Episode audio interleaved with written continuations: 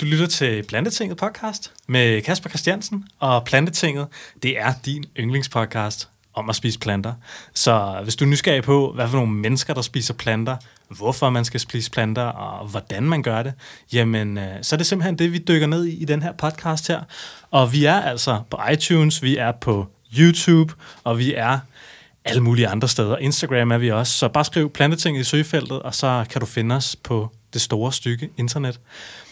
Den her gang, der har jeg inviteret en øh, helt speciel gæst ind endnu en gang, fordi tilbage 1. juli, der relaunchede vi den her podcast her. Der relaunchede vi planteting, og jeg tænkte, vi skal launch med et brag, og vi skal have en, en fuldstændig vild personlighed inde. Og så faldt valget simpelthen på, at, at Kristin skulle være den første, som vi skulle break med, fordi jeg synes, Kristin er altså, totalt vild, og har en fantastisk historie, og er super inspirerende, og du ved, og, og så derfor så, øh, så fik jeg hende ind, og hun skulle til at lave tredobbelt Ironman, og det er jo fuldstændig crazy, og nu har hun lavet en tredobbelt Ironman, og det skal vi snakke om, og mange andre ting skal vi også snakke om. Så uh, Christine Stengård, velkommen i Plantetinget. Tak skal du have. Endnu en gang. Ja, det er godt at være tilbage. Dejligt at se dig her. Dejligt, at du kunne komme hele vejen fra, fra Fyns land igen. Yep, og det du er har, ikke noget problem. du har stået på messe hele dagen. Ja, jeg har stået inde på uh, Copenhagen Half-messen og uh, snakket om uh, Miego høretelefoner og uh, solgt dem til alle deltagerne, så de er klar til i morgen. Og der er jo Københavns Halvmarathon i morgen. Yep, det er der. Skal du selv løbe? Det skal jeg ikke. Okay. Ikke i morgen. Alright. Men uh, der er 22.000 andre, der skal, har jeg hørt. Hold da kæft, mand. Det bliver, jeg skal jo selv løbe også. Det bliver jo et kæmpe arrangement, mand. Ej. Så skal jeg se, om jeg kan komme under halvanden time. Så når den her podcast er udkommet, så, så ved vi, om jeg er kommet under. Så Det gør du. Ja, må det ikke? Jo, jeg tror på det. Må det ikke? Jeg tror også selv på det. Men øh, vi skal jo snakke om, øh, om dig. Og fordi sidst vi snakkede sammen, der var der cirka en måned til halvanden måned, til du skulle ned til Tyskland i Lensan og lave en tredobbelt Ironman. Og nu sidder du her, øh, tre måneder senere, siden sidst vi snakkede? Ja, Eller tre ja det passer nok meget godt. Det er det. Og hvad, Kristin, kan du prøve at fortælle mig lidt om, hvad der, hvad der er sket siden sidst? Jamen, øh, jeg har jo gennemført min første øh, tredobbelt Ironman, øhm, og det gik jo egentlig øh, overraskende godt. Det før, målet var jo at gennemføre, og, øh, og det, jeg var jo ikke i tvivl på noget tidspunkt. Jeg, har, jeg ved, der var mange, der var i tvivl, og det har de også selv sagt til mig bagefter. Men øh, der, som konkurrencen skred frem, så, så var, lå jeg egentlig øh, sådan til en tredjeplads, og, øh, og den kunne jeg sådan nogenlunde sikkert øh, køre hjem. Øh, og det havde jeg jo slet ikke forventet, da det var, at jeg stod på startstregen der fredag den 27. juli kl. 7 om morgenen. Og for dem, der aldrig nogensinde har hørt om, om dig før, og Triple Ironman før, lige sådan kort, sådan, hvem er du, og hvad er Triple Ironman for noget? Jamen, øh, jeg er 34 år og har dyrket triathlon i cirka 10 år, tror jeg. Øhm, og i år, der havde besluttet for, at jeg skulle køre en uh, tredobbelt Ironman og gå over til ultratriathlon i stedet for de kortere distancer og Ironman. Øh, jeg havde brug for lidt udfordringer, og det, øh, det har jeg fået, kan man sige. Øhm, og en tredobbelt Ironman, det er, det er at svømme 11,6 km, cykle 540 og løbe øh, 126,6 km. Og det har man øh, 58 timer til, max. Og det gør du alt sammen ved at spise planter også. Ja, det gør jeg. Der var faktisk nogen, der var bekymrede undervejs, som lige måtte sige, ej, er du sikker på, at du kan gennemføre, hvis du ikke spiser andet end planter? Det var der Så simpelthen jeg- folk, der sagde til dig. Ja, det var der. Og hende, der endte med at vinde, hende verdensmesteren, hende øh, måtte mit øh, team lige lave en øh, øh, smoothie til, fordi hun havde brug for noget ekstra energi. Så hun fik lige lidt øh, hjælp over for os af. Ah, Okay, det må man noget- gerne. Ja, det, vi hjælper hinanden alle sammen. Okay. Og hun kunne ikke rigtig få noget ned. Det var 30 grader varmt, og, Ja, okay. og hun kunne ikke øh, have mere. Og så sagde jeg, at jamen, vi havde en blender, og vi havde øh, frugt og, og grønt med, så hun skulle bare gå derover. Så, så det sørgede de for, at hun fik. Og det, det var hun begejstret for. Skal vi ikke sige det sådan? Bum. Så det, der blev jeg lidt sådan lidt, ja, ja, lad os se. der er noget om Hvor det. svedigt, mand. Ja. Men uh, tilbage til Lensan i Ja. Tyskland der. Den, uh, hvad var det, den 14. juli? Den 27. 27. juli, undskyld. Der, øh, der stod du ved poolen, ved 25 meter poolen. Ja, 50 meter. 50 meter på den? Ja. Ja. okay, Så det var kun 228 baner. kun. Ja, kun. Kan du prøve at fortælle mig lidt om, hvad, hvordan var det at lige pludselig stå på startstregen til en tredobbelt Ironman, og hvad, hvad tænkte du på? Jamen, det var egentlig øh, det var helt vildt specielt, fordi at dagene op til havde været sådan meget rolige i forhold til når man er ude til et stævne med 2500, 3000 deltagere. Her var vi 54. Mm. Og, øh, og alle havde jo hilst på hinanden og snakket sammen, og, og det var ligegyldigt, om du var ung, gammel, ny eller, eller rutineret. Så da det var, at, øh, at vi stod klar der fredag morgen, der, øh, jeg var mega spændt og også lidt nervøs, men der var bare et eller andet i mig, der, der gjorde, at jeg var, jeg følte mig bare sikker på, at det her, det, det skulle nok blive godt. Jeg tvivlede ikke på noget tidspunkt på, at jeg skulle gennemføre. Mm. Øhm, heller ikke, øh, da jeg, altså lige da jeg hoppede vandet, der fik jeg lige sådan en, huha, nu, nu begynder vi lige om lidt. Ja. Øhm, men ellers så, så var det jo bare at svømme. Mm. Altså der er jo ikke, på så lang distance, der er jo ikke på noget tidspunkt, at du behøver at stress helt vildt. Nej. Fordi, altså jo, ham personen, der har lavet øh, verdensrekord på 30 timer eller sådan noget, han stressede jo. Eller han, jeg ved ikke, om han stressede, men, men der var ikke meget, der skulle gå galt, før at... Øh, men os andre, vi kunne jo godt svømme, og så lige... Altså, vi skulle jo have noget at spise og drikke og sådan noget undervejs. Det tog alligevel fire timer bare svømning. Mm. Og det var der tid til. Lige at, at ind til kanten, og så lige få noget ned og videre. Men var I alle 57 i samme pool? Er 54, vi var 9 i min bane. 54? Okay, hold da kæft. Øh, så det var lidt, lidt trangt. Ja. Og det der med lige at finde, øh, hvor, hvor ligger jeg henne i, i de ni her. Ja. Fordi mændene var tydelige. Der var hende, der blev verdensmester, lå faktisk i samme bane som mig. Mm. Øh, og så var der syv andre mænd, og de, i starten synes de, det var mega irriterende, når det var, at vi overhalede. ja. Øh, Altså kvinderne. ja, hun, ja. hende der, hun var, en rigt, hun var ikke hurtig svømmer, så hun lagde sig bare ned bagved. Men, men jeg skulle overhale en del gange, og det der med at overhale fire på en gang, det, der bruger man rigtig mange kræfter. Ja. Så med at finde en rytme, øh, det har du tid til at finde på fire timer. Mm. men, men der er da, ja, altså det var lang tid.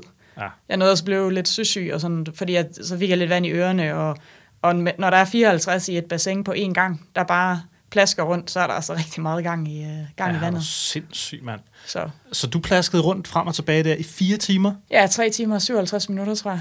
og så fik du lidt øh, mad på øh, bassinkanten en gang Ja, imellem? jeg fik uh, lidt uh, de der uh, famøse uh, smoothies. Ja, ja, ja. Lige ned med dem, og noget uh, energi, og noget, sådan noget juice, noget vingummi. Mm. energi også, for at få lidt... Det var ikke som... Det var svært lige at fordøje, for når du skulle svømme videre, så skulle du helst lige have det hele ned. Ellers så, Ja, ja, okay. Ja, det forstår jeg godt. ja, du, når du ligger der vandret igen, så skal det gerne være nogenlunde nede i, ja. før du begynder at svømme. Så du, øh, du fik padlet dig igennem der på 3 timer og 57. Det er jo faktisk rimelig okay. Ja, jeg var tilfreds. 12,4 11,4 11,4 kilometer. Ja. Og så tonser du op af vandet. ja. Hvad sker der så der? Og så sjovt, som vi har snakket om, at der er ingen grund til at løbe i skiftezonen, fordi hvad betyder det? Mm. Så løber jeg selvfølgelig op Ja. hen langs poolen, og, og fordi at, at så blev jeg så begejstret over, at der var anden kvinde op ad vandet, og jeg tænkte, ej, vildt nok. Øh, og så var det jo, havde jeg jo en masse hjælpere, der stod øhm, klar, som nærmest tog mit tøj af og tørrede mig og fodrede mig med mad og gav mig nyt tøj på og solcreme og solbriller og cykelhjelm og sokker. Hvordan havde du det i skuldrene og i kroppen og i hovedet? Jeg var egentlig okay. Jeg var lidt øm i skulderen undervejs, men det forsvandt, øh, da jeg kom op af, op af vandet. Mm. Så jeg følte mig egentlig bare klar, og der var det ramt 30 grader allerede, så øh, der var ikke nogen grund til at fryse i hvert fald. Øhm, men fokus var også på at, altså sådan noget, en lille ting som for solcreme på, du har så noget blevet noget forbrændt på øh, sådan en hel dag, Ah. hvor du bare ligger og koger i solen. Så hvad tid var det, du kom op af vandet? Hvad var klokken øh, der? jamen det må jo så have været 12, Så lige ud i nej, middagssolen 11, ja. I 30 Ja. grader. Ja, cirka. Bum. Og så var det jo bare start. Ja. Øh, Vi løb sådan ind igennem det der åbningssted til svømmehallen. Mm. Og der også, der, hvor jeg tænkte, hvorfor løber jeg? Altså på ting, jeg falder inde midt på fliserne, ikke? Men ja. man bliver lidt begejstret. Ja, ja, ja. Og Klar. så startede de 8 kilometer runde, som vi skulle cykle 67 gange. Og det var, ja, ud og i en rundkørsel, og så hjem igen. Så 4 kilometer ud og 4 kilometer hjem. Øhm, det var... På sådan en helt lige strækning. Ja, næsten. Der var sådan et rullende bakker. Okay. Det var, det var en fin tur. Ja. Altså, der var der nogle bakker, som trak tænder ud øh, efter ja, 30, 40, 50 øh, runder. Ja. Men, men det var en fin, det var ikke kedeligt. Mm. Altså, jeg, jeg tror, en uh, helt flad rute, den kunne også have været rigtig kedelig. Ja, helt sikkert. Øh, Så det, det blæste også en, en del, så vi blev, man kan sige, det var ja, både godt og skidt, men, men du, du skulle i hvert fald holde fast i, øh, i styret for at, at blive på cyklen, og det var lidt svært nogle gange at spise, fordi det blæste så meget fra siden af, Mm. så du kunne ikke rigtig bare ligge og, og slappe helt vildt af. Nej. Øhm, Og 540 kilometer Ja. skulle du simpelthen begive dig ud på der. Og Ja. det er jo, altså, svarer det ikke cirka til toppen af Tyskland, til, til Sydtyskland? jo, det kan Den nederste del af Tyskland. Så du kører simpelthen tværs over Tyskland Ja, i løbet af hvor lang tid? Det må have været Jamen, jeg tror, jeg har brugt 23 timer, sådan 20 timer. inklusive pauser, Inklusiv pauser. cirka. Det er sgu da rimelig godt. Jamen, jeg er heller ikke, altså, jeg, jeg er egentlig tilfreds med, at jeg, jeg holdt for mange pauser. Det har jeg også fået at vide bagefter af min hjælper, at, men balancen mellem, at du skal have noget at spise, øh, og du skal have noget at drikke, kontra, jamen, jeg skal også cykle, den var, den var svær, fordi jeg før har haft problemer med at spise nok, så mm. de var meget fokuseret på, at jeg skulle spise. Mm. Og det er super taknem- taknemmelig for, at de ikke bare sagde, jamen, så bare lad være. Ja, okay. Øh, men balancen, den, øh, den finder man ikke øh, første gang, man kører ultratriathlon, fordi øh, det er, ja, Så du havde sådan en hel time. Var de med i en bil, eller stod de ved Ja, målstregen? altså, de, vi havde øh, langs ruten ud af cykel, der havde alle sat telte op, og øh, ja, campingstole, og vi havde massagebriks med, at jeg kunne ligge og sove på og hvile på, og hvis jeg skulle have behandling. Øhm, så der, var, der manglede ikke noget nogen steder, og der var, ja, jeg tror, jeg havde 10 hjælpere eller sådan noget, som var kommet ned. Nogle havde nogle specielle opgaver, andre var der bare, fordi de tænkte, de ville bruge en weekend i Tyskland. Mm. Øh, og alle, det betød super meget for mig, at de alle sammen var der. Øh, det var, du kan ikke gøre det alene. Altså, jeg kan ikke gøre det alene Nej. det er fuldstændig umuligt, fordi Mm. du, du har brug for, at der er nogen, der, der hjælper dig. Klart. Altså, det er, ja, det er mange timer. Er du sindssyg, mand. Så du havde sådan en helt øh, opvarterhold, både af hipper og af fyser og af psykologtyper og Ja sådan det, noget? ja, det kan vi næsten sige. De kunne det hele. Ja, Altså jeg vil sige, der var ikke nogen med, øh, som øh, kunne fikse min cykel, hvis det var sådan rigtigt. okay. De havde øvet i at pumpe, Ja. ja. og vi havde også øvet os i, at hvis den nu punkterer. Men øh, 7 13, så skete der ikke noget. Der skete ingenting. Nej, Hold da kæft, så du rullede bare derudad stille og ja, roligt? det var... Øh, men vi var, havde også perfekte... For, altså det regnede jo ikke på noget tidspunkt, og vejene var, var fejet. Og, Okay. så, så det var, ja, Så der var slet ikke nogen udfordringer på cykelturen? Øh, jeg var ikke lige mekanisk i hvert fald. Jeg blev lidt træt på et tidspunkt, øh, hvor jeg lige blundede lige et øjeblik og kørte lidt sådan på tværs af vejen, og jeg måtte sige, at nu, nu skal jeg altså lige hvile. Ah. Det er lørdag morgen, der har været i gang i ja, 18 timer, tror jeg, cirka. Jeg kan ikke, jeg kan ikke huske, øh, hvad tid det var, hvornår det var. Jeg ved bare, det var mørkt Okay. og midt øh, sent på natten, og ja, og der, der måtte jeg sige, nu kan jeg simpelthen ikke, øh, så jeg blev lagt ned med, jeg tror ikke, jeg fik, jeg ved ikke, om jeg fik hjelmen af, men jeg lå i hvert fald med alt andet tøj på, så bare blev pakket ind i noget varmt, og så faldt jeg i søvn lige med det samme. Mm. Og det havde jeg slet ikke troet, jeg kunne. Altså jeg er overbevist om, at, at jeg kan ikke sove mm. midt på, på et tidspunkt, hvor jeg ikke skal. Det kunne jeg godt. Og det var første gang, du sov? Ja, det var første gang, jeg sov. Aha. Efter, ja. Så hvor lang tid hvor lå du og 20 sov? minutter havde de sagt, sat uret til. Øhm, og der var de meget skarpe på, og, jamen 20 minutter, og så er det bare ud igen. Mm. Fordi det var jo koldt, selvom det var varmt om dagen, var det jo iskoldt om natten. Mm. Altså der, og så svedig og våd, og Ja. så det der med lige at få, få nok, øh, ja, nok tøj på, men ikke for meget, mm. den der, det er også en lærdom. Helt sikkert. Så du vågnede der, de, de kommer og vækker dig? Ja. Hvordan har du det, når de kommer hen og vækker dig der? Jeg var sådan lidt træt, tror jeg. Men jeg frøs også, så jeg tænkte, jeg kan lige så godt komme i gang. Ja, okay. Og hele tiden igennem øh, konkurrencen var de også, jamen, jo mere pauser du holder, jo længere bliver din konkurrence. Mm. Altså, det kan godt være, du ikke er i gang, men, men der sker jo heller ikke noget, så længe du sidder her eller ligger her. Klar. Og det havde jeg også øh, ligesom sagt på forhånd, at jeg skulle igen og sove flere timer, Mm. mm. fordi vi ikke gør mig noget godt. Så du, øh, det var op på cyklen igen og lige cykle natten igennem der? Ja, og jeg nåede at få en krise til, hvor jeg fik at vide, at nu må du bare tænke på noget andet. Og det prøvede jeg så, og det lykkedes også fint. Altså de sidste 6-7 runder, de blev, lange. Ja, okay. Der var det jo lyst og begyndte at blive varmt igen. ja, og, ja, ja, ja. ja, så, ja, så begyndte jeg også at blive, altså sådan, det er lidt typisk, at jeg, så blev, mærker man lige pludselig, at jeg er også øm, og får jeg sidde så lang tid på sadlen. Og, Ja, ja, ja, ej, jeg synes også, at jeg skal have andre cykelbukser på, hvor jeg tænkte, hvorfor, altså jeg har to runder igen, men nej, nej, det var vigtigt for mig. Mm. Og der var ikke nogen, der sagde, fordi de, der turde de nok ikke at sige til mig, det, det er dumt. så det fik jeg lov til, ikke også? Men Ja, ja, ja. altså, det er sådan noget, at øh, det har jeg lært nu, at jeg må gerne blive presset noget mere. Okay. Øh, Så det var, det var god lærdom. Aha. Så du har du, du får cyklet den der tur igennem Ja, og stiller cyklen på et tidspunkt. ja. Hvad, hvad, hvad sker der, når du stiller cyklen? Ja. Der skal, altså jeg vil sige, lige da jeg øh, hoppede af, jeg havde været af et par gange jo for at- også på toilet og Ja, ja, ja, lige pause klart. og sådan noget. Men det der med at tænke, okay, nu skal jeg ikke cykle mere, nu skal Mm. jeg bare løbe 126 kilometer. På en måde det sådan, at ej, nu er jeg jo nærmest færdig. Mm. Øh, og på den anden side, så var jeg godt klar over, at det er virkelig mange kilometer. Ja. Det var 97 runder. Øh, så, men igen, så var der en masse folk til, og nogen tog min cykel og sørgede for, at den kom væk, og, og nogen øh, hjalp mig med at få noget løbetøj på, og, og lige sådan øh, guidede mig lidt i forhold til, øh, hvordan der var ledes. Øh, altså, at- hvor vi blev enige om, eller de sagde, at den første runde skulle egentlig bare lige gå, bare lige for at komme i gang. Mm. Og der var det så igen varmt. Og der, der tror jeg, vi snakker 30 plus og fuld sol. Hold da Og kæft, mand. skygge, det var ikke noget, vi havde super meget af Nej. på den der 1,2 km runde. Så der var sat isspanden op, eller sådan en stor balje med is og vand, og hos alle mulige mennesker, som boede på ruten, de har bare sat det ud, for at vi kæft. kunne øh, blive kølet ned, for de var godt klar over, at, at vi var presset.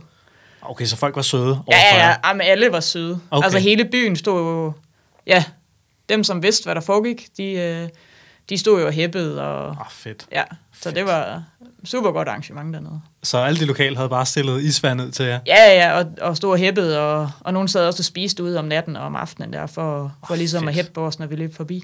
Så det var, det var meget hyggeligt. Ja, det kunne jeg da godt forestille mig. Hvordan havde du det? Hvordan havde dine ben det, og din røv de det, havde det efter egentlig okay. cykelturen der? Jeg var, jeg var ikke øm i mine ben. Okay, Øh, det var ikke sådan den der følelse af, at nu har jeg godt nok kørt hårdt på cyklen. okay.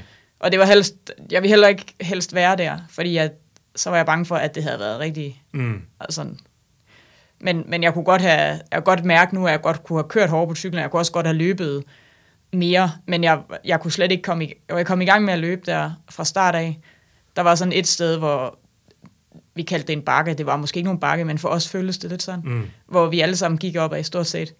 Øhm, og ja, altså, det var bare varmt, og jeg kunne slet ikke køle af. Og det var svært for mig at løbe, fordi jeg, jeg bare, jeg brændte, jeg, jeg kogte bare fuldstændig. Aha. Og der, der gik lang tid, hvor jeg tænkte, det her, det bliver godt nok langt. Og der kunne jeg se, at første og anden pladsen, de var ligesom bedre løbende end mig. Skal ikke sige det sådan? Okay. Øhm, De havde måske også prøvet det før. Det havde de. De havde det. Mm. Hende, der blev nummer to, var, er verdensmester i ultracykling, og hende den anden havde, ja, ja de er dygtige. Så det var din sådan. første ultrakonkurrence? Ja, ja, ja. Så der, på, den, på den måde er jeg egentlig ikke utilfreds overhovedet. Mm.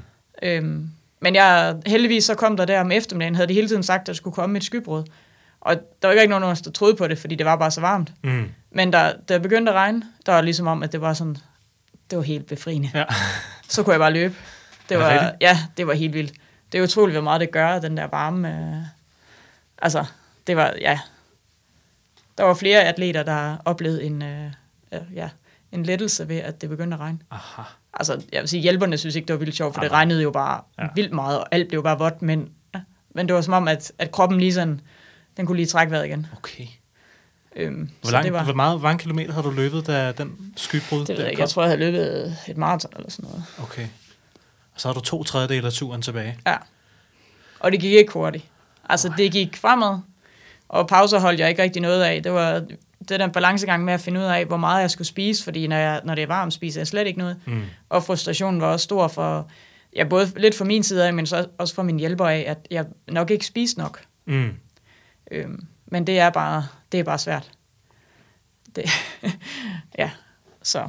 Så det brugte vi lidt tid på at, at finde en eller anden måde, hvordan at jeg kunne... Øh, så jeg spiste alle mulige mærkelige ting. Altså. Så, så I justerede planen undervejs hele Ja, tiden? det gjorde vi lidt. Ja, okay. Øh, vi, var egentlig, vi synes egentlig, vi skulle bare holde planen, men det kan bare ikke. Altså, du kan ikke, øh, vi kan ikke forudse, hvad der sker. Så bare eksperimentere hele vejen. Ja, lige præcis. Altså, og det var sjovt, fordi så vi, lige der, hvor vi, vores øh, bil holdt op og sådan hegn, der var sådan friske brumbær og sådan noget, så det plukkede Ej. de også til mig, at jeg Mm. spise. Og, og det var sådan noget, som var, altså jeg kunne slet ikke spise gel, og altså noget, de spiser slet ikke. Nej, nej. Øhm, så det var sådan noget andet, at jeg ligesom fik, fik lov til at... Der var også et pizzeria, eller sådan en, en café, som lavede en vegansk pizza til mig med en masse salat og champignon og sådan noget på, som jeg kunne få lov til at få. Oh, hvor tjekket, mand. Ja, det var ikke øh, dårligt. Han synes, det var sjovt. Ja, ja, ja. Ej, hvor sindssygt, mand. Så det var... Så du fik bare friske brumbær og pizza og... Ja, og en masse blendet øh, spinat og frugt og grønt, og også sådan noget, ja, ja salt, øh, hvad hedder det, nødder og chips, og øh, noget øh, mørk chokolade, øh, alt muligt. Altså, det var bare... Hvad med kaffe og sådan noget? Fik du det undervejs? Nej, for det brød mig ikke om. Okay. Og det har jeg og ikke, sådan noget? nej, jeg har ikke, øh, jeg har ikke eksperimenteret super meget med det, så jeg var lidt bange for at, at bruge det, for Mm. at, det, at jeg bare bare blev dårlig af det. Mm. Øh, Men det ved jeg, det skal jeg arbejde lidt med, fordi Okay. jeg, jeg blev også træt på løbet, Ja, okay. som i virkelig træt. Hvad, er, altså, hvad mener du, når du siger virkelig træt? Altså virk, som jeg vrøvlede helt vildt, og de sagde, at jeg nærmest gik baglæns, og jeg kunne ikke øh, rigtig se, jeg sagde nogle dumme ting i hvert fald, nogle mærkelige ting, og jeg så nogle mærkelige ting. Der var jeg nok lidt presset. Og der, der måtte jeg selv sige, nu skal jeg, jeg skal lige ligge. Mm. Selvom jeg havde tænkt, det er ikke nødvendigt, jeg skal bare løbe. Men jeg løb ikke. Jeg gik jo nærmest ikke engang. Okay. Så der, der sagde jeg, nu er, det, nu er det nu. Nu skal jeg lige øh, lægge mig ned. Og der, da jeg blev vækket efter, jeg tror det var 17 minutter, de havde sat ud til, der var jeg overbevist om, at de lige havde lagt mig. Altså jeg var helt væk. Okay. Det var sådan... Ja. Altså jeg, jeg er lidt ked, på en måde er jeg ked af, at de ikke har filmet det, fordi, og på en måde er jeg nok glad, fordi det, det har ikke set kønt ud. Altså de bar mig nærmest ud på ruten igen, Aha. øh, med en under hver arm, og sådan trak mig afsted. Og i princippet måtte, altså det måtte jeg jo ikke vel, men der var ikke noget, der... Det var mere for at være sikker på, at jeg ikke ligesom bare lagde mig ned et eller andet sted derude. Klart. Øh, så vi brugte lige et par runder på, at øh, altså var der en, der gik foran mig og råbte og skreg, bare for, for at irritere mig lidt og vække mig lidt. Okay. Øh, det, jeg blev i hvert fald irriteret, det kan jeg huske. Efterfølgende har hun også sagt, jeg ved godt, at øh, jeg var irriterende, men, men jeg vidste, at du ikke kunne fange mig, hvis det var løb. Ja, okay. så så jeg, Oh, det der med, ja. når kroppen først lukker ned, og det gjorde den virkelig. Okay. Der, øh, der var flere, der var både mine hjælpere og nogle af de andres, de andre danskere, var der, deres, de havde sådan en masse hæpper med dernede. De, de så mig godt og tænkte, det der, hun vælter rundt lige om lidt og kommer okay. ikke til at... Men så lige pludselig, så begyndte jeg at løbe, og, og så var jeg jo snart i mål. Altså sådan, det gik lige fra den ene yderlighed til den anden. Så lige pludselig så begyndte du at vågne op igen? Ja, Og når så- lyset, det, eller morgenen, den øh, startede, Ah. det gav jeg alligevel lidt, at der var som om, at kroppen vidste, at okay, der, nu skal du i hvert fald ikke være træt længere. Så på det tidspunkt, der har du været i gang i hvor mange timer?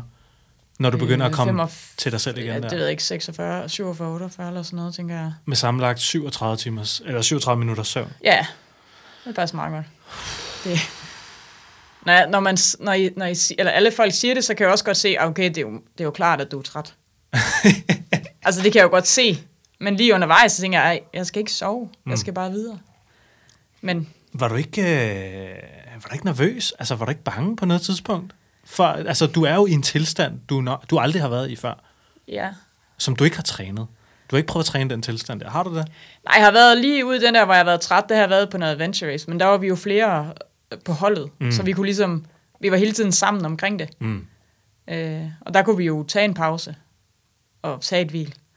Så jeg har lidt prøvet det før, men jo ikke, ikke på den måde her. Men jeg var ikke nervøs. Altså, jeg, jeg var også klar, at jeg var ikke, det var ikke, fordi jeg var sådan helt, helt væk. Mm. Okay. Altså, jeg var nok lidt okay. væk, men, men jeg kan godt huske det meste. Okay. Ellers så har de fortalt mig det mange gange. Okay, så, så du, følte, du følte dig tryg? Du havde ikke noget angst eller noget? Nej, nej, nej, det havde jeg ikke. Det, Okay. jeg var egentlig... Øh, Men var det ikke angstprovokerende for dig? Altså, jeg tænker bare, når, hvis jeg personligt selv skulle stå over for en så stor distance, altså, jeg vil have respekt for det, men jeg tror også, jeg vil være sådan lidt, øh, du ved, bange og nervøs, fordi jeg ikke rigtig vidste, hvad der ville være ude på den anden side. Hvordan har du håndteret det der, den der uvidshed? Jamen, jeg tror, at jeg har, jeg har arbejdet rigtig meget med, med hende, jeg har brugt til mentaltræner og coaching omkring, jamen, altså, vi vidste jo, hvad distancerne var, og jeg har jo, jeg har jo kørt dem sådan lidt uafhængigt af hinanden. Jeg har ikke løbet helt 126 øh, kilometer, men jeg har, da, jeg har løbet i, i 12 timer, hvor det var, jeg var, var presset øh, undervejs. Og, og jeg tror også det der med at, at tro på, at det godt kan lade sig gøre. Altså, ikke at tvivle. Mm. Altså jeg ved, hvis jeg først begynder at tvivle, så, så kan jeg hurtigt køre mig ned til, at det her, det kan jeg ikke. Mm. Og det, har, det er jeg blevet øh, punket ind i mit hoved det seneste år, at, at det er slet ikke nogen grund til. Mm. For jeg kan jo, hvis jeg tror på det, så kan jeg godt. Mm. Så jeg har egentlig bare troet på det. Og du troede på det, også da du var Ja, helt ude også da jeg var presset. på løbeturen der. Ja, jeg skulle løbe ind over den målstreg. Mm. Det var ikke nogen tvivl om, at jeg Mm. skulle. Mm. Øh, så det, det var ikke... Øh, og jeg, men jeg kunne så også mærke, da jeg så kom tættere på, altså da jeg kun manglede... Så til sidst, hvor jeg vidste, okay, tredjepladsen den er hjemme, og første og anden, de sover allerede, ikke? Øh, Der, der, hvad hedder det, der pressede jeg jo heller ikke så hårdt på. Altså, fordi der, der så heller ikke nogen grund til bare at presse min krop, bare for at presse den. Mm. For den var jo presset i forvejen ved at være træt, og mine fødder var hævet og ømme, og, og jeg havde ikke nogen... Ja, der, jeg kørte ikke efter tiden. Der kørte jeg for at gennemføre og få den tredjeplads, som jeg vidste, at jeg, jeg, ville, øh, jeg kunne få med hjem. Mm. Så jeg pressede ikke så hårdt på til sidst. Men der, der blev jeg også utrolig sådan rørt over, at okay, jeg alligevel trænet til det her et helt år. Det er faktisk lidt vildt. Mm. Så mange øh, kvinder er der alligevel ikke, der har gennemført en, mm. en triple Ironman. Mm. Øh, så der, der kunne jeg godt mærke, at jeg blev, altså, der blev meget påvirket af det. Det forstår jeg godt. Så havde, du, ja. uh, du, du, du, du klarede den simpelthen de sidste, det sidste stykke der? Ja. Og du var i løb hele de sidste, hvor mange kilometer? Nej, det, det var jeg egentlig ikke. Jeg okay. løb lidt og gik lidt og løb okay. lidt igen. Og så den sidste runde, der løb man ned omkring øh, målområdet. Og, øh, og så kan de se, at øh, man skal ud på den sidste runde, så får man udleveret det danske flag. Og så løber man modsat alle mm. de andre. Ah. Så de alle sammen kan se, nu er, nu er hun ved at være færdig, og vi kan sige tillykke, og man kan takke, øh, jeg kunne takke alle dem, der hæppede, og de andre deltagere. Øhm, og der havde jeg også nogle af de andre, havde deres hjælpere med, hvor jeg også havde sagt, det her, det vil jeg gerne gøre alene, fordi det, det betød bare noget for mig, at jeg skulle lige øh, kunne trække vejret, da det var, at, øh, at jeg løb øh, over bålstregen. Mm. Ikke at være alt for påvirket af det. Mm. Øh, så det var egentlig meget specielt. Det var sådan lidt en, øh, ja, sådan en rejse, man lige tog den sidste runde gennem det seneste år. Ikke? Hvad øh. tænkte du på, på den uh, sidste tur? Baglands? Jamen, jeg, jeg tænkte alle mulige mærkelige ting, og så tænkte jeg også bare, at det her, det er bare for vanvittigt. altså, jeg tror ikke helt, jeg havde forstået det. Altså, en ting er, at jeg, øh, at jeg løb ind til en tredjeplads, det var, ja, det var også mega fedt, også, fordi det, det lyder da meget godt at sige. Men, men at have gennemført, det, øh, selvom jeg godt, eller som jeg troede på, at jeg ville, så er det også bare specielt. Mm. Det er, ja, at kunne løbe over målstregen og ja, blive hyldet af de andre og bare, bare kunne sige, okay, nu er jeg bare færdig. Og mm. jeg var bare færdig på alle måder. Altså, jeg var bare så træt. Det var mm. helt vildt. Det var, ja, det var vanvittigt. ja, det lyder kraftet med sindssygt, mand. Så du løber over den der målstreg der? Ja.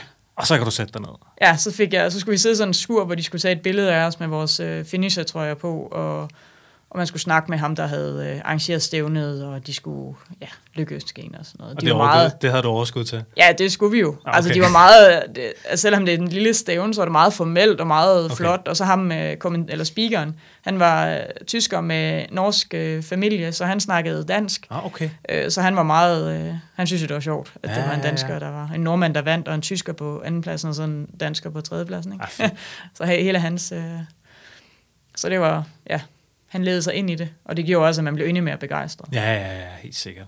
Så, så du kom ud og fik taget billeder med finisher t-shirts? Ja. Hvornår fik du så lov at sove igen? Jamen, øh, så øh, fik jeg en af mine øh, kammerater, som med dernede, han bar mig. Um, han kunne bære mig op til bilen. Så skulle jeg lige have noget, eller et eller andet at spise, det var jeg egentlig ikke så interesseret i. Mm. Og så et bad, og så bar de mig over i bilen, hvor der lå en madras. Og så lukkede de døren, og så, det var sådan en kassebil, og så øh, kunne jeg sove. Så tre timer efter, så åbnede de døren igen og sagde, nu skal du op, fordi vi skal lige ned og spise, inden vi skal til præmieoverrækkelse. Og der må jeg indrømme, der havde jeg ikke meget lyst til noget som helst. Nej. Der var jeg godt nok træt. Puh, ja. Så, men... Så du fik din, uh, din bronzemedalje til yes, VM i tredobbelt Ironman. og min pokal var meget vigtig. Bum. Hvordan var det at stå på det podie, selvom du var fuldstændig fucked? Jamen, det var mega sjovt. Altså, det var det da. Mm. Det var jo også fordi, jeg setup'et af er forholdsvis vildt. Altså, du ved, de råber alle sammen op, og vi står og bliver taget billeder. Der var vel 10 fotografer, Aha. som bare stod og tog billeder, også øh, nummer 1, 2 og 3. Mm. Øhm, og så kunne vi jo så sidde og vente på, at alle de andre blev råbt op. Altså, der er ikke nogen, der bliver glemt. Selv dem, som uh, starter konkurrencen, men ikke gennemfører, ikke også? De, de bliver anerkendt for, at, at, at de har været en del af det. Mm. Og det, det kan jeg godt lide, at der er plads til alle. Der er ikke nogen, der bare bliver sådan, åh ja, du gennemførte bare, men du var ikke hurtig nok. Mm. Her der, der er alle lige. Mm. Altså. Så. så det var en, en god afslutning på, øh, på dagen, og så var det bare at køre hjem i bilen i fire timer.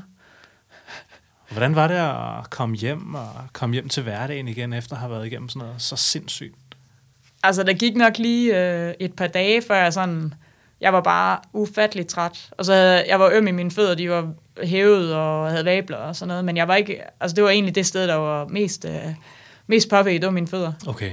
Og neglene jeg... falder af og sådan noget også? Nej, ikke rigtigt, men de var bare hævet. Altså, okay. det var, det var svært at gå. Mm. Øhm, og så, jeg var bare træt. Altså, det var helt... En, altså, jeg følte mig lidt som en zombie, jeg bare gik sådan lidt rundt. Mm. Øh, og det, det varede i hvert fald øh, en uge. Og, øh, og det var, øh, ja, det var sådan lidt, ja, sådan er det lidt altid, når man har gennemført et eller andet, om det så er en, ja, en eller anden, øh, en halvmarathon, eller en marathon, eller en, noget, der er endnu større. Den her følelse af, nu har jeg gjort det, hvad skal jeg så? Mm. Det, øh, det var svært. Mm. Så nu har du haft noget tid til at reflektere lidt over, hvad, hvad, hvad skal jeg så? Ja. Christine, hvad fanden skal der ske?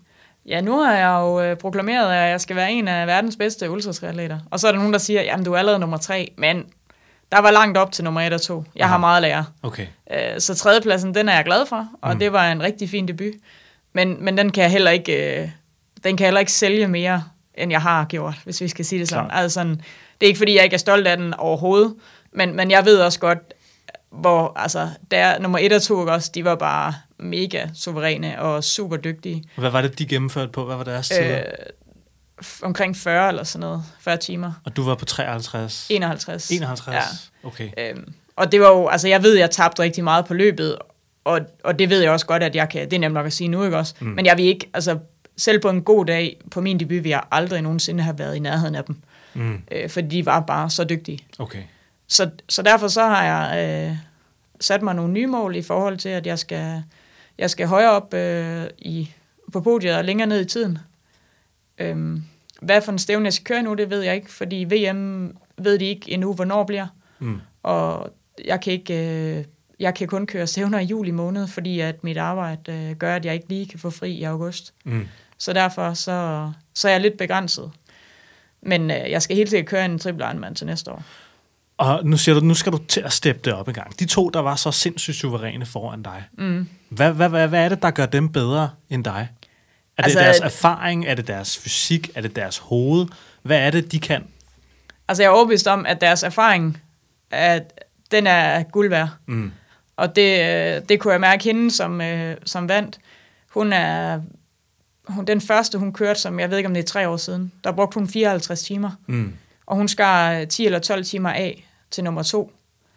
Øhm, og hende har jeg snakket med efterfølgende, hvor hun sagde, at hun kunne se rigtig meget af det, hun gjorde fejl første gang, i det, jeg gjorde, eller ikke fejl, altså du ved, det hun lærte fra mm. første til anden gang. Mm. Øhm, så, og nummer to, altså, og selvfølgelig er de også øh, fysisk bedre, end jeg er, fordi de, også, de ved også, hvor de skal ligge øh, rent, øh, ja, rent zonemæssigt og sådan noget. Altså øhm, i forhold til puls eller hvad? Ja, lige eller? præcis. Altså jeg har jo trænet lidt, jeg har trænet rigtig meget det seneste år, det er der ikke nogen tvivl om. Men jeg har også trænet lidt i blinde ved at, at køre på fornemmelsen. Okay. Øhm, så nu har jeg øh, hvad hedder det, lavet et samarbejde med to trænere fra M2 Sports Lab, mm. som øh, skal teste mig hver øh, 4-5. uge. Hold da kæft, man. Øh, cirka, eller 6. Det kommer an på, hvordan det lige passer ind. Og øh, så jeg hele tiden kan rykke mig. Mm. Øh, fordi de er også meget sådan, jamen altså, hvis vi skal gøre det, så skal vi gøre det ordentligt. Og, og det vil jeg også. Nu har jeg gennemført. Så nu kan jeg ikke ligesom, jamen nu skal jeg bare gennemføre. Fordi det er ikke motiverende for mig. Så hvad er det for nogle parametre, de skal måle dig på så? Jamen, øh, de skal måle mig på... Øh, altså, på cyklen kører vi jo efter watt, og, ja. øh, og jeg skal have forbedret mit, øh, min øh, VO2 max, skal man sige. Og, okay. Så jeg kan køre længere på mindre, end, eller køre øh, mere watt på, øh, på mindre energi. Okay. Øh, og også i forhold til løbet, der har jeg løbet rigtig langsomt, rigtig lang tid. Mm. Og og det kan jeg godt, men min løbeøkonomi er rigtig dårlig faktisk, når jeg løber langsomt. Jeg vil få mere, mere ud af at løbe hurtigere. Okay. Øh, og det havde jeg egentlig ikke tænkt over, men det kunne, de, det kunne vi se, da, vi, da jeg blev testet her sidste gang. Så jeg, okay. jeg har noget at arbejde med, og jeg, kan også, jeg rykker mig allerede nu for hver gang, og det er jo mega fedt. Altså, ja. så, så det bliver jo hårdere. Jeg skal nok ikke træne så mange timer, som jeg har gjort. Okay. Men jeg skal træne noget hårdere og træne noget mere specifikt. Aha. Øh, og det, det er lige mig. Altså, jeg elsker struktur, så det passer helt perfekt. Så du skal ud og, og, og køre dig selv i smadret et par gange og løbe dig selv ja, det skal jeg nok. Uden at, altså stadigvæk, hvor jeg har balancen med, at, øh, at jeg ikke bliver skadet og, og alle de ting der, men, men jeg skal presses noget mere. Mm. Lad os snakke lidt om, øh, om, om maden, du spiste undervejs. Nu sagde du, at du fik en masse forskellige ting. Du fik pizza og brumbær ja. og masser af smoothies, og I delte smoothies ud. Ja. Altså, havde I, sådan en, øh, havde I sådan en kæmpe lager af mad med ned, eller hvad fanden gjorde I? Øh, jeg, havde, jeg havde lånt sådan en, øh, en stor bil, hvor der var plads til et øh, køleskab i. Ja. Og øh, der havde vi sat, øh, og så havde vi trukket strøm til, så vi havde blender og hvad hedder det, køleskab og ja, elkedler og kaffemaskiner og toaster og sådan noget med, så vi var forberedt. Så der var bare transportabel køkken til Triple Ironman Ja, der. det var Kun der. til Kristin. Ja, det var lige før. Min hjælper måtte gerne låne det, hvis de ville. Okay. Men fordi jeg vidste, at, at min mad var ikke noget, der bare var vakuumpakket i, øh, eller pakket og, for halvandet år siden, Mm. og så kunne spises øh, den weekend. Mm. Så derfor så, så blev det lidt anderledes, og mm. lidt en udfordring, at, at noget af det skulle jo laves øh, frisk. Mm. Og, og det, øh, men meget af det blev blendet, fordi at jeg havde, jeg havde nemmere ved at, at spise det, øh, når det var ja, når det var blendet. Men jeg fik også øh, så kogt pasta til mig med pesto, og øh, det kunne jeg spise, når jeg cyklede bare i en pose, og bare sådan ligesom, ja, sugede nærmest ud af den der plastikpose, ikke? Det var ikke sådan vildt lækkert, men, men det fungerede. Aha. Og, øh, og så nogle, øh, hvad hedder det, nogle energibarer, som øh, ja, var veganske, der kan man sige, der er ikke så meget planter i, men, men noget, der var pakket, sådan det var nemt for mig også lige at kunne tage op af lommen. Mm. Øh, hvad ellers? Så havde jeg, jeg sådan noget rugbrød, øh, toastagtigt noget med øh, hvad det der smør på steg, sådan noget vegansk på steg i. Mm. Øh, det fik jeg også noget af. Så, så det var sådan lidt, det var anderledes, end hvad de andre fik, Aha. Tænker jeg. Det har nok været meget anderledes. Og Ja, lidt. du har nok haft et måske meget større fokus på mad end de andre. Det tror jeg også, jeg har. Mm. Øh, Men jeg havde heller ikke, på noget tidspunkt havde jeg ikke sådan problemer med maven overhovedet. Og det og havde du det havde de andre. Okay. Øh, sagde de i hvert fald, at de havde. Ah, fedt. Så, der, var, der var slet ikke nogen problemer der? Du havde ikke med jeg havde ikke noget i maven eller, eller noget som helst. Eller Nej, noget? overhovedet ikke. Okay. Og det, øh, det tænker jeg også har noget med den måde, jeg spiser at gøre. Det, er, det synes jeg jo. De andre siger nok, at det er det ikke, men det tror jeg på. Og hvad så? Hvad, hvad var der i de smoothies, du fik? Der var øh, spinat og grønkål og ja, brumbær og blåbær og banan, tror mm. jeg. Og noget hørfrø og øh, sierfrø, Mm. for lige at få noget, noget fedtstof ind. Ja, ja, ja. Så det var bare, det kørte du bare på derudad? ja det Planter? gjorde jeg. Og, Og og de sagde til dig, at det kunne ikke lade sig gøre? Ja, det var, det var sjovt, for det kan komme bagefter til at tænke på. Der var faktisk nogen, der havde sagt undervejs, ej, jeg havde ikke troet, du kunne gennemføre, fordi du havde øh, spist planter. Det var ikke noget, jeg gad at diskutere eller snakke nej. om, for jeg tænkte bare, og jeg havde ikke troet, du kunne gennemføre, fordi du spiste kød, eller hvad? Altså, det var noget mærkeligt noget at sige. Mm. Men, men det var nok den bekymring, at den person havde haft. Mm. Og det var derfor, jeg synes, det var sjovt, da der var, der var faktisk også en af de andre danskere, som sagde, jeg kan, ikke, jeg kan simpelthen ikke øh, spise noget. Så sagde jeg, "Men så gå ned og så spørg din hjælper, om de gider at gå ned og lave noget, blende noget frugt og grønt. Og der sagde han jo også, jamen det virker. Mm. Jeg, jeg kan få det ned. Mm. Men det er jo ikke noget, de er vant til. Nej, De tænker jo ikke på det som mad under træning. nej. Så, men det, det fungerede faktisk øh, rigtig godt, synes jeg. Det er jo ret vildt, ikke, at man har alle de atleter, der bare er blevet opflasket på, på geler og, og bar, ikke? Mm. Og at vi sådan helt, det snakkede vi jo selvfølgelig også om sidste gang med det her med bare at spise noget, noget, noget rigtig mad Ja, undervejs. ja. Og det, det kan man bare mærke i maven åbenbart. Ja, det, det tror jeg. Altså, for nogen fungerer det jo fint at spise gels. Altså, det er jeg godt klar over. De mm. mærker jo ikke. Mm. Om det så er, fordi de er vant til at spise det, at de tænker, at jamen, det er normalt at have ondt i maven lidt, eller, eller det er bare, fordi de er lidt mere hårdføre end os andre, det, det ved jeg ikke. Men altså, jeg, jeg havde også puttet øh, dadler i poser, som, også, øh, som jeg også jeg spiste undervejs, også, og det fungerede jo også super godt. Aha. Altså, i stedet for gel, eller et eller andet andet Mm. øh, pakket ting. Købte de så mad hjemmefra, eller købte de det nede i Tyskland? Det meste havde jeg med hjemmefra. Okay. Også fordi jeg er sådan lidt vanemenneske. Alt det frosne, det købte vi jo dernede, for vi havde ikke lige... Ah, Vi okay. havde dog ikke en frysermad, så det bare. Ah, okay. Og optimere til næste år. Ja, helt sikkert. Et køleskab med en fryser? ja, det kunne godt være. Det er ikke helt dumt. Det kunne være en. Ja, ja. Måske en kummefryser er lidt for voldsomt. Ja, ikke også? Men så kan man så lægge sig ned i den, hvis, uh, hvis det bliver alt Når for jeg varmt. bliver alt for varm i ja. undervejs. Men øh, ej, hvor sindssygt, mand. Crazy historie lige der. Øh, hvad tænker du på? Hvad sker der inde i dit hoved? Du, du sagde noget om, du havde du hallucineret lidt, når du løb og sådan noget, men lad os prøve at dykke lidt mere ned i det. Hvad, hvad sker der inde i hovedet på dig øh, undervejs i sådan en konkurrence? Hvad tænker du på? Hvad hører du? Hvad ser du? Hvad smager du? Hvad lugter du?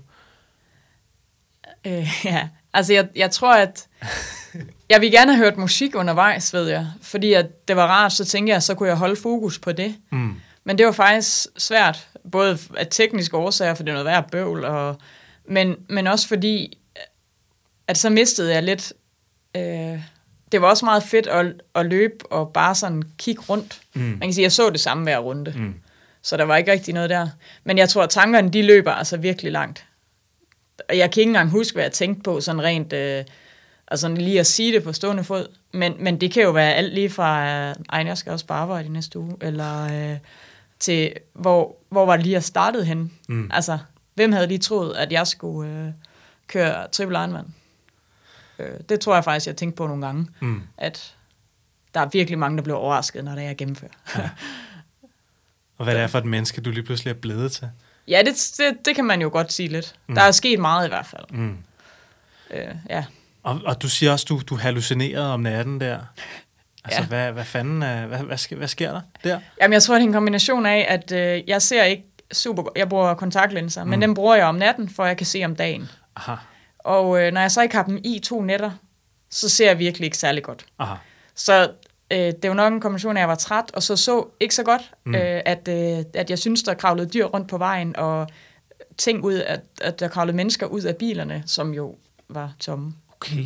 Og det fik jeg jo sagt højt, og det skulle jeg aldrig have sagt, fordi det har de jo gjort galt med siden.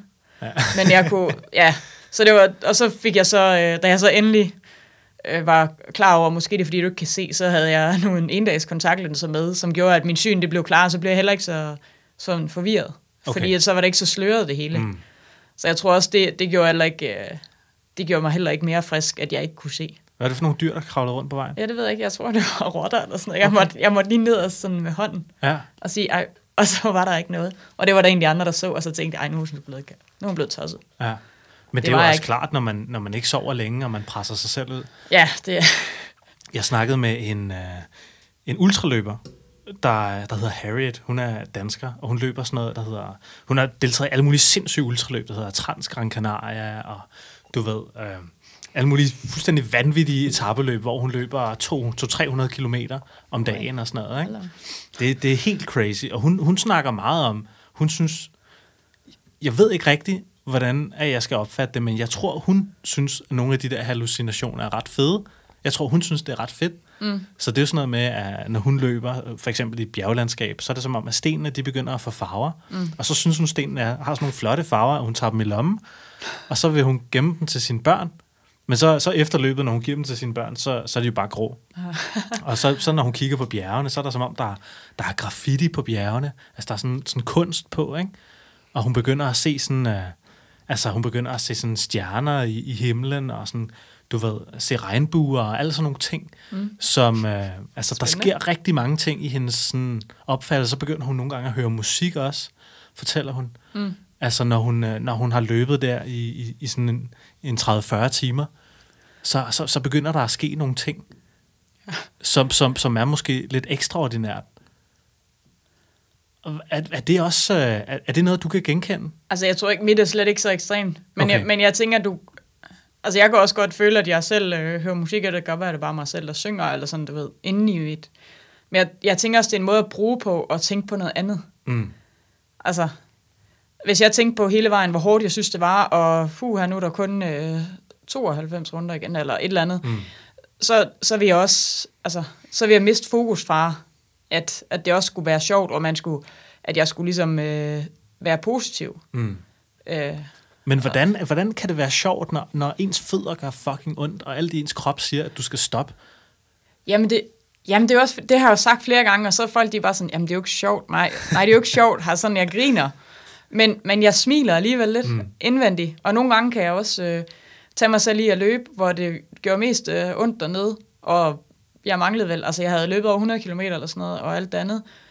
Og så løber jeg og smiler, fordi jeg kommer til at tænke på et eller andet, mm. som, det kan være øh, min øh, niæser, som øh, jeg glæder mig til at se, når jeg kommer hjem, eller at det her, det er bare mega fedt, og lige om lidt, så er jeg færdig, og så kan jeg sige, at jeg har øh, gennemført en uh, triple Ironman, og det kan jeg fortælle, når jeg skal starte på min nye job, eller det kan jeg bruge øh, på et eller andet tidspunkt i mit liv. Mm. Altså, der er ikke nogen, der kan, kan tage det fra mig, jeg har gjort. Altså sådan, så på den måde er det, er det også fedt at, at gøre det.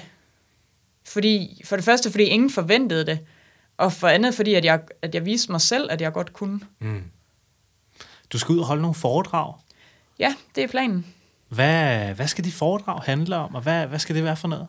Jamen altså, jeg vil jo gerne, øh, uden at det skal lyde sådan for øh, sådan voldsomt, øh, så skal det handle noget om, at, øh, at man kan, hvad man vil, eller jeg kan, du kan, hvad du vil. Mm. Og alt er muligt, hvis du, øh, hvis du tror på det.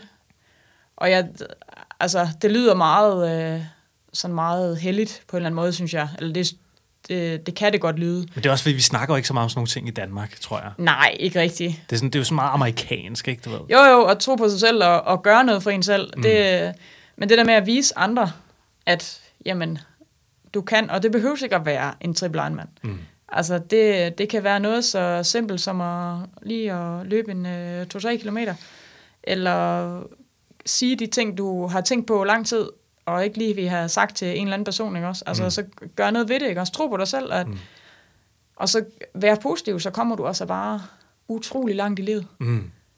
Og det, Det- det, er det folkeskoler og sådan noget, eller hvad er det for noget? Jamen, det er, jeg har været ude til nogle, sådan nogle, ja, hvad er det? Det er sådan noget lærings... Øh, nogen, der har det lidt svært i skolen, som øh, har noget ekstra øh, undervisning, hvor det er, Mm. at jeg har været inde og, og snakket lidt med dem. Ah. Og, øh, og så vil jeg også gerne øh, ud til forskellige firmaer og, øh, og give dem nogle, nogle redskaber til, hvordan at, at de kan altså, gøre det endnu bedre, det de nu gør. Mm. Øhm, og så bare fortælle min historie, sådan uden at det skal være noget, øh, noget specielt, men, men som der er en, der sagde til mig, at folk elsker at høre om noget idræt, de ikke selv skal lave. Ja. og så tænker jeg, ja, det har du nok ret i. Ja. øh, så hvis jeg kan give en lille bit smule videre, så, øh, så vil det være helt fantastisk. Mm.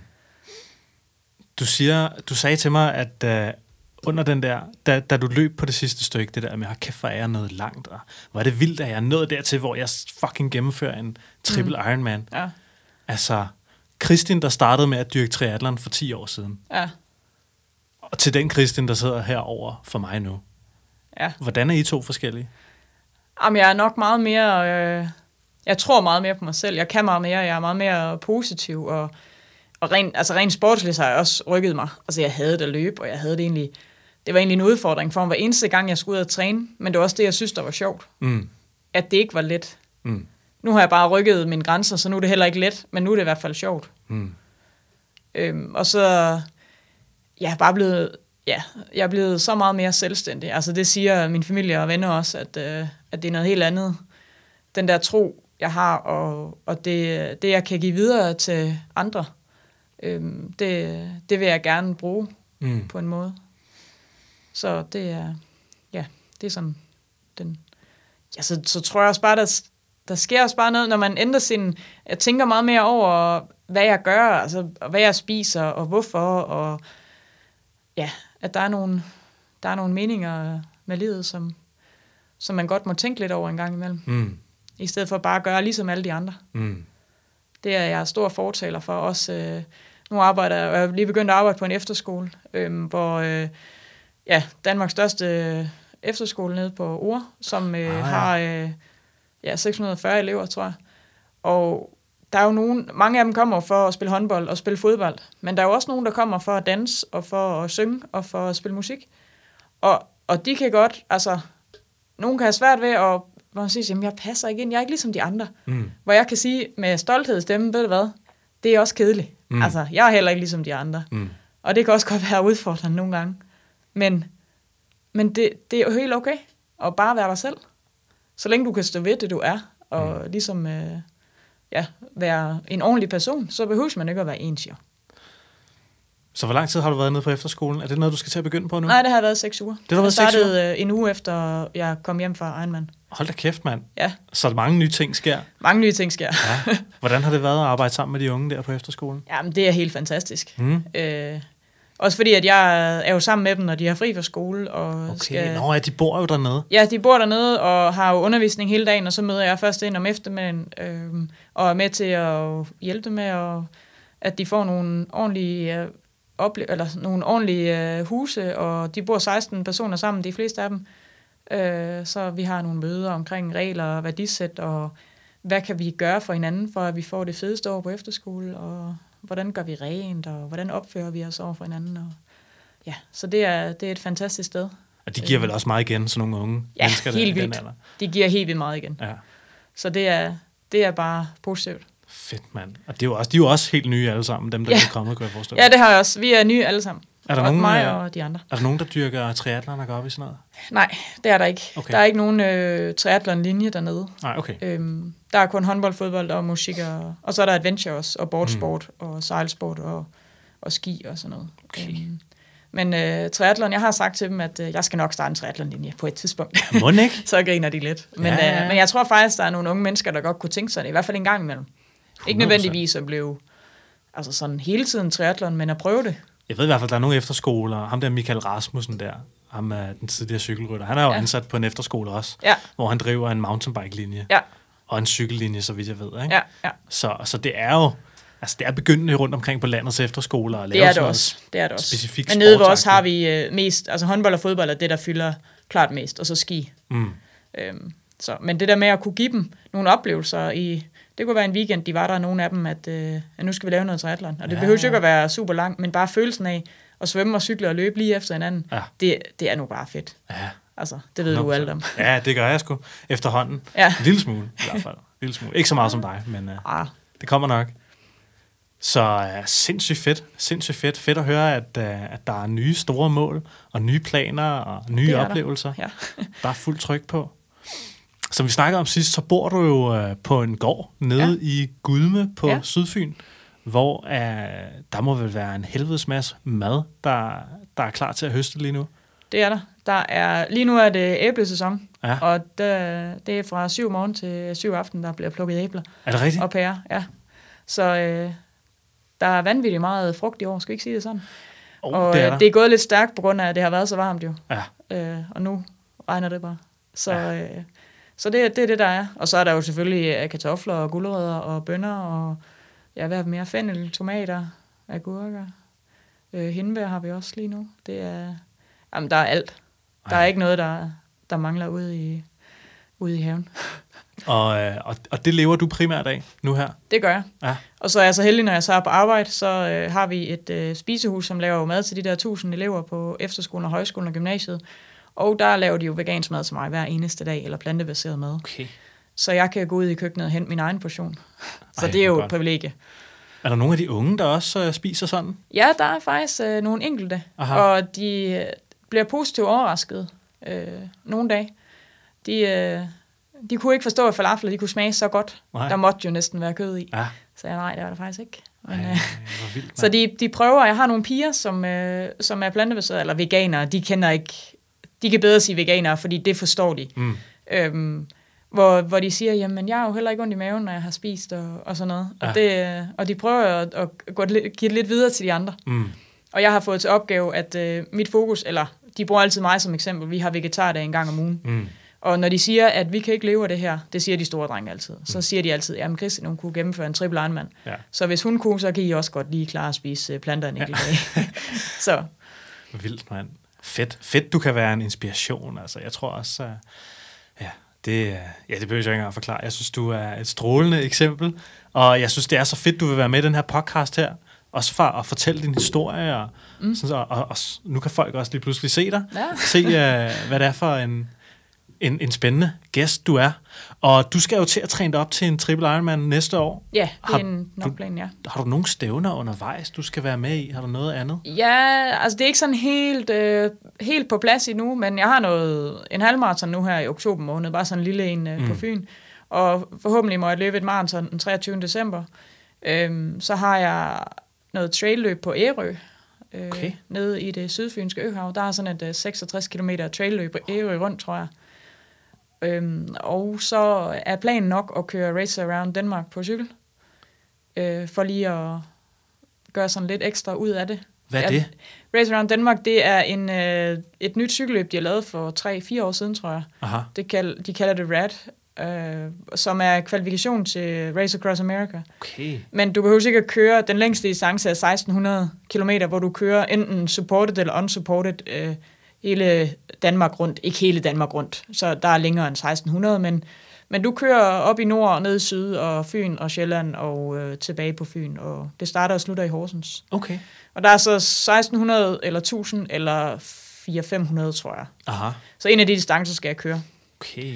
Og øh, så tænker jeg nok også, at jeg skal køre en halvejnmand, og måske også noget svømmestævne, og noget, ja, Så jeg skal køre nogle flere konkurrencer i år. Sidste år, eller i år har jeg jo kun kørt en, og det var det der triple. Mm.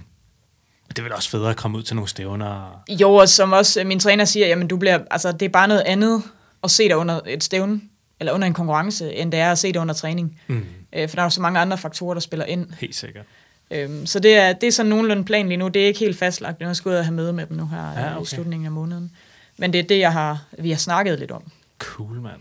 Svedigt. Ja. Spændende, spændende. Jeg har aldrig hørt uh, det der rat der. Det kunne være, at de skulle uh, kigge lidt på det. Det lyder Det ret spændende. er super fedt stævne, og i og med, at du både kan køre supported og unsupported, så, så giver det jo også nogle muligheder. Mm-hmm. Altså, jeg ved, at der er... øh, Ja, der, jeg ved ikke, hvor mange deltagere der er, men, men der er jo både... Øh, altså, der er jo nogen, der kører unsupported på den lange i hvert fald. Okay. Øhm, altså, det, det skal jeg ikke. Der er jeg ikke lige. Jeg skal have noget følgebil med, hvis jeg skal køre så langt, fordi Aha. det er... Det, der får jeg ikke noget ud af, øh, sådan, du ved, der, der er for mange udfordringer, der er kommet, og jeg, så skal jeg jo selv have, have Ja, overnatning, og, ja, lige præcis. Og et kort og Ja. powerbank. Ja, lige og præcis. Det er alt for meget. cyklen, Det er og- ikke realistisk i forhold til det, jeg skal køre. Nej, Der vil, der vil det give mere mening at lave en 100 procent. øh, med følgebil rundt. 100 procent. Og så må vi se, jeg er ikke sikker på, at det bliver en lang distance. Okay. Øh, også i forhold til restitution og sådan noget, at, at det skal give mening i træningen også. Øhm, Men lige tilbage til den halv Ironman der. Hvor lang tid brugte du på? Sådan, altså, du, du siger jo, du har jo nok været lidt i un- energiunderskud i løbet af hele den konkurrence der. ja, når øh, triple er. Ja. Ja, Så du har vel spist en masse mad bagefter. øh, der har jeg. Havde, havde, hvor meget tabte du under konkurrencen? Har du målt Jamen, det? jeg, et par kilo, tror jeg. Okay. egentlig ikke... Øh, selvom at de, de holdt styr på, hvor meget jeg spiste, og sagde, at jeg spiste ikke nok nok, så, så tror jeg faktisk, at jeg var sådan nogenlunde med. Aha. Men, men jeg skal også spise meget, altså for ikke at, at tabe mig for meget. Ja. Øhm, og efterfølgende har jeg også bare spist, altså Ja. virkelig. Ja, ja, ja. Så du bare skovlet Ja, ind. ja, det kan vi godt sige. Ja, ja, ja. der, er ikke, der er ikke nogen grænser jo. Og det er der næsten heller ikke i hverdagen. Altså det er sjældent, at jeg ikke kan... At, ja, det kender du. Ja, ja, det. Ikke? Altså, man, vi kan jo virkelig spise meget. Ja, det er dejligt. Ja, det er skønt. så det er, altså jeg brugte nok et par uger på at komme mig sådan nogenlunde. Sådan rent uh, restitutionsmæssigt Okay. og søvnmæssigt og ja. Så du er ved at være ovenpå igen nu? Ja, jeg har, min træning er begyndt øh, her, det startede vel for to-tre uger siden eller sådan noget. Mm. Men jeg, jeg vidste slet ikke, hvad jeg skulle lave. Altså, da jeg var, da jeg var færdig med konkurrencen, den første uge gad jeg ikke at træne. Altså, Nej, det må jeg ærligt indrømme, jeg hverken gad eller havde overskud til det. Og så havde de sagt, at du kan bare så småt begynde at træne. Men jeg vidste slet ikke, hvad jeg skulle. Jeg blev sådan helt... Øh, sådan, nej, det ved jeg ikke. Mm. Øh, Jeg kunne ikke lige se ideen i at være løbe, hvis jeg ikke vidste, hvor hurtigt jeg skulle løbe. Eller Nej, nej. sådan. Så, så nu holder de bare mig i kort snor, og så er det bare med at køre på. Og så er det bare program derudad. Ja, bare program. Helt sikkert. Kristin, vi har snart snakket i en lille time. Ja. Vi skal til lige så stille lukke ned for dagens program, men jeg kunne godt tænke mig at høre, øh, har du noget, du øh, gerne vil fortælle folk derude? Er der et eller andet, du sidder og brænder inde med, inden vi lukker helt ned? Det kunne jo eventuelt være, at du, altså, du er meget med sådan noget med at tro på dig selv, og du kan, hvad du vil og sådan noget. Ja. Vil lige give folk derude en, en pep-talk, fordi det tror jeg nogle gange, folk har brug for. Jo. Jamen, øh, jo, jeg tror, at altså, det har jeg jo sagt mange gange, det der med at tro på dig selv, og du kan, hvad du vil. Altså, nu har jeg lige lagt øh, videoen op fra, da jeg løber over, over målstregen nede i, i Tyskland. Og den video, den gør noget ved mig. Altså sådan, at der kan jeg mærke, det her, det er vildt. Og det har jeg faktisk hørt fra flere, som både folk, jeg kender, og folk, mm. jeg ikke kender, at hvis de har fulgt med i hele den weekend, og så ser den der afsluttende video, det er lige før, at de får tår i øjnene Mm. mm. og tænker, okay, det her, det er for vanvittigt. Mm. At, at nogle gange, så skal man ud og opleve et eller andet, der gør, at okay, jeg kan godt det her. Og så kan man altid tænke tilbage på det, når det er, at tingene bliver lidt svære. Øh, så udfordre sig selv lidt, og, øh, og, og ligesom øh, klappe sig selv på skulderen, når der er, at det mål, det bliver nået. Om det så er et lille mål, eller et stort mål, eller når det var, at når man, når man når dertil, hvor man tænker, okay, det her, det kunne jeg godt, så skal man altid bruge den som, øh, som målstok og sige, jamen det kunne jeg godt jo. Mm. Og så hele tiden rykke sine grænser, fordi så, så bliver det bare endnu federe. 100 procent, mand. Kristin Stengård, tusind tak, fordi du havde lyst til at være med i Plantetinget endnu en Det var gang. så let. Og uh, tak for at dele den fuldstændig crazy, vanvittige historie med os.